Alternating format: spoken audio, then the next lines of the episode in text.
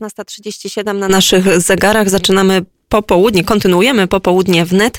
Teraz porozmawiamy o sytuacji w Górskim Karabachu. Gościem popołudnia wnet jest Zbigniew Stefanik, dziennikarz i publicysta. Dzień dobry. Państwa. Konflikt między Armenią a Azerbejdżanem o Górski Karabach ponownie się nasilił. Dochodzą do nas bardzo niepokojące informacje o kolejnych ofiarach zarówno wśród żołnierzy, jak i wśród cywilów po obu stronach sporu. E, no i powiedzmy może, jak obecnie wygląda ta sytuacja w regionie. E, konflikt się nie tylko nasilił, ale wręcz umiędzynarodowił, ponieważ wywiady francuskie, amerykańskie, brytyjskie nie tylko wskazują na to, iż już obecnie na miejscu może znajdować się około 2000 dżihadystów z Syrii i około 3000 dżihadystów z Libii. E, tak więc e, zdaje się, iż faktycznie ten konflikt nabiera rozmiarów międzynarodowych, a dodatkowo wszystko wskazuje na to, iż Turcja przez swoje terytorium, no właśnie, przepuszcza dżihadystów z Syrii, którzy właśnie właśnie trafiają w rejony walk.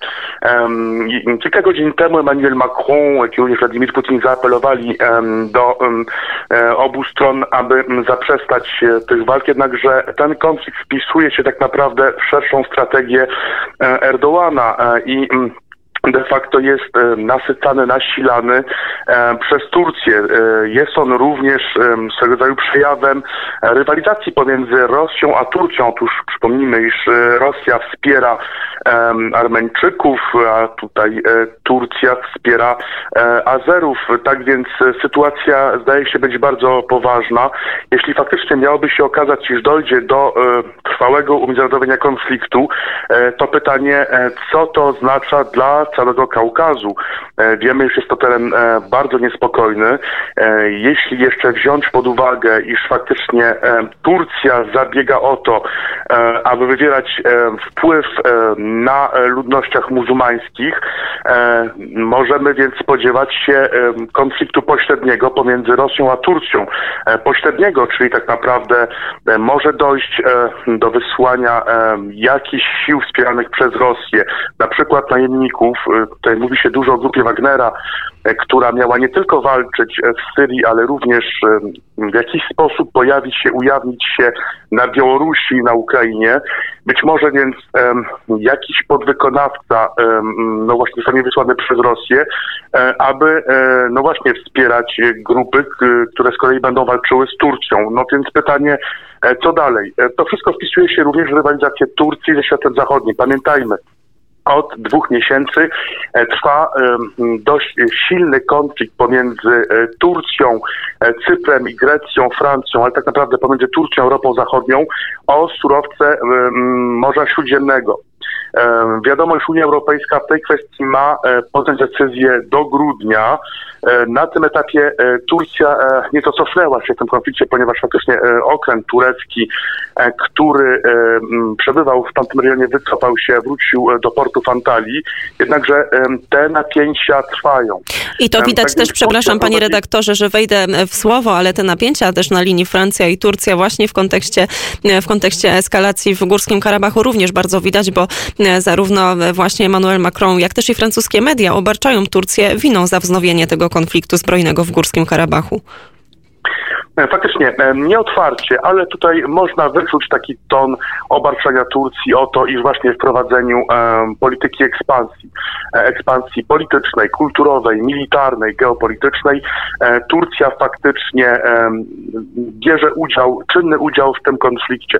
Pamiętajmy, że wcześniej Turcja wzięła udział w konflikcie libijskim, wbrew interesom Unii Europejskiej, w tym Francji. Otóż Unia Europejska chciała ustabilizować Libię, na, następnie no być może nie otwarcie, ale jednak w pewnym sensie logistycznie być może, nie mamy dowodów, ale są takie przesłanki, wsparła siły samozwańczego marszałka Kalifata Haftara w konflikcie w Libii e, z rządem jedności narodowej, tak zwanym rządem jedności narodowej.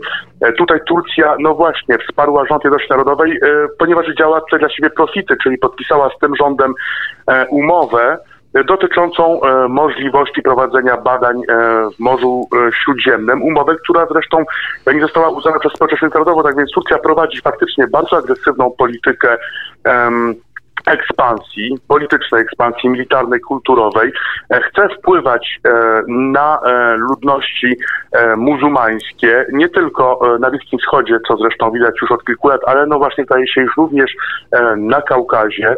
E, Tak więc pytanie, e, czy ten konflikt faktycznie stanie się konfliktem e, umiędzynarodowionym, ponieważ jak mówiliśmy, i to jest bardzo niepokojące, wywiady, różne wywiady państw zachodnich odnotowały obecność w rejonie walk dżihadystów, dżihadystów, których przecież Turcja miała zwalczać w ramach koalicji terrorystycznej. Wiemy przecież, że Turcja w walce z Daesh, czyli państwem islamskim na Bliskim Wschodzie, grała podwójną grę. E, Na początku, e, mówiąc wprost, robiła z państwem islamskim interesy, kupowała od państwa islamskiego ropę, e, następnie zaś wspierała koalicję antyterrorystyczną. Tutaj zdaje się, iż faktycznie coraz więcej dowodów może wskazywać na to, iż Turcja przepuściła przez swoje terytorium około dwóch tysięcy bojowników islamskich, czyli dżihadystów, być może należących no właśnie do organizacji terrorystycznych. Tak więc Turcja po raz kolejny gra swoją własną grę, grę, która jest tak naprawdę niezgodna z interesem e, państw zachodnich, niezgodna z e, paktem militarnym NATO. E, z drugiej strony Rosja. Rosja również rywalizuje z Turcją o wpływy. No nie tylko na Bliskim Wschodzie, jak wiemy, w Syrii, nie tylko w Libii, ale no właśnie na Kaukazie. Tutaj zdaje się, iż Turcja bezpośrednio wchodzi na teren, który e, Rosja uznaje za swój, swoją strefę wpływu.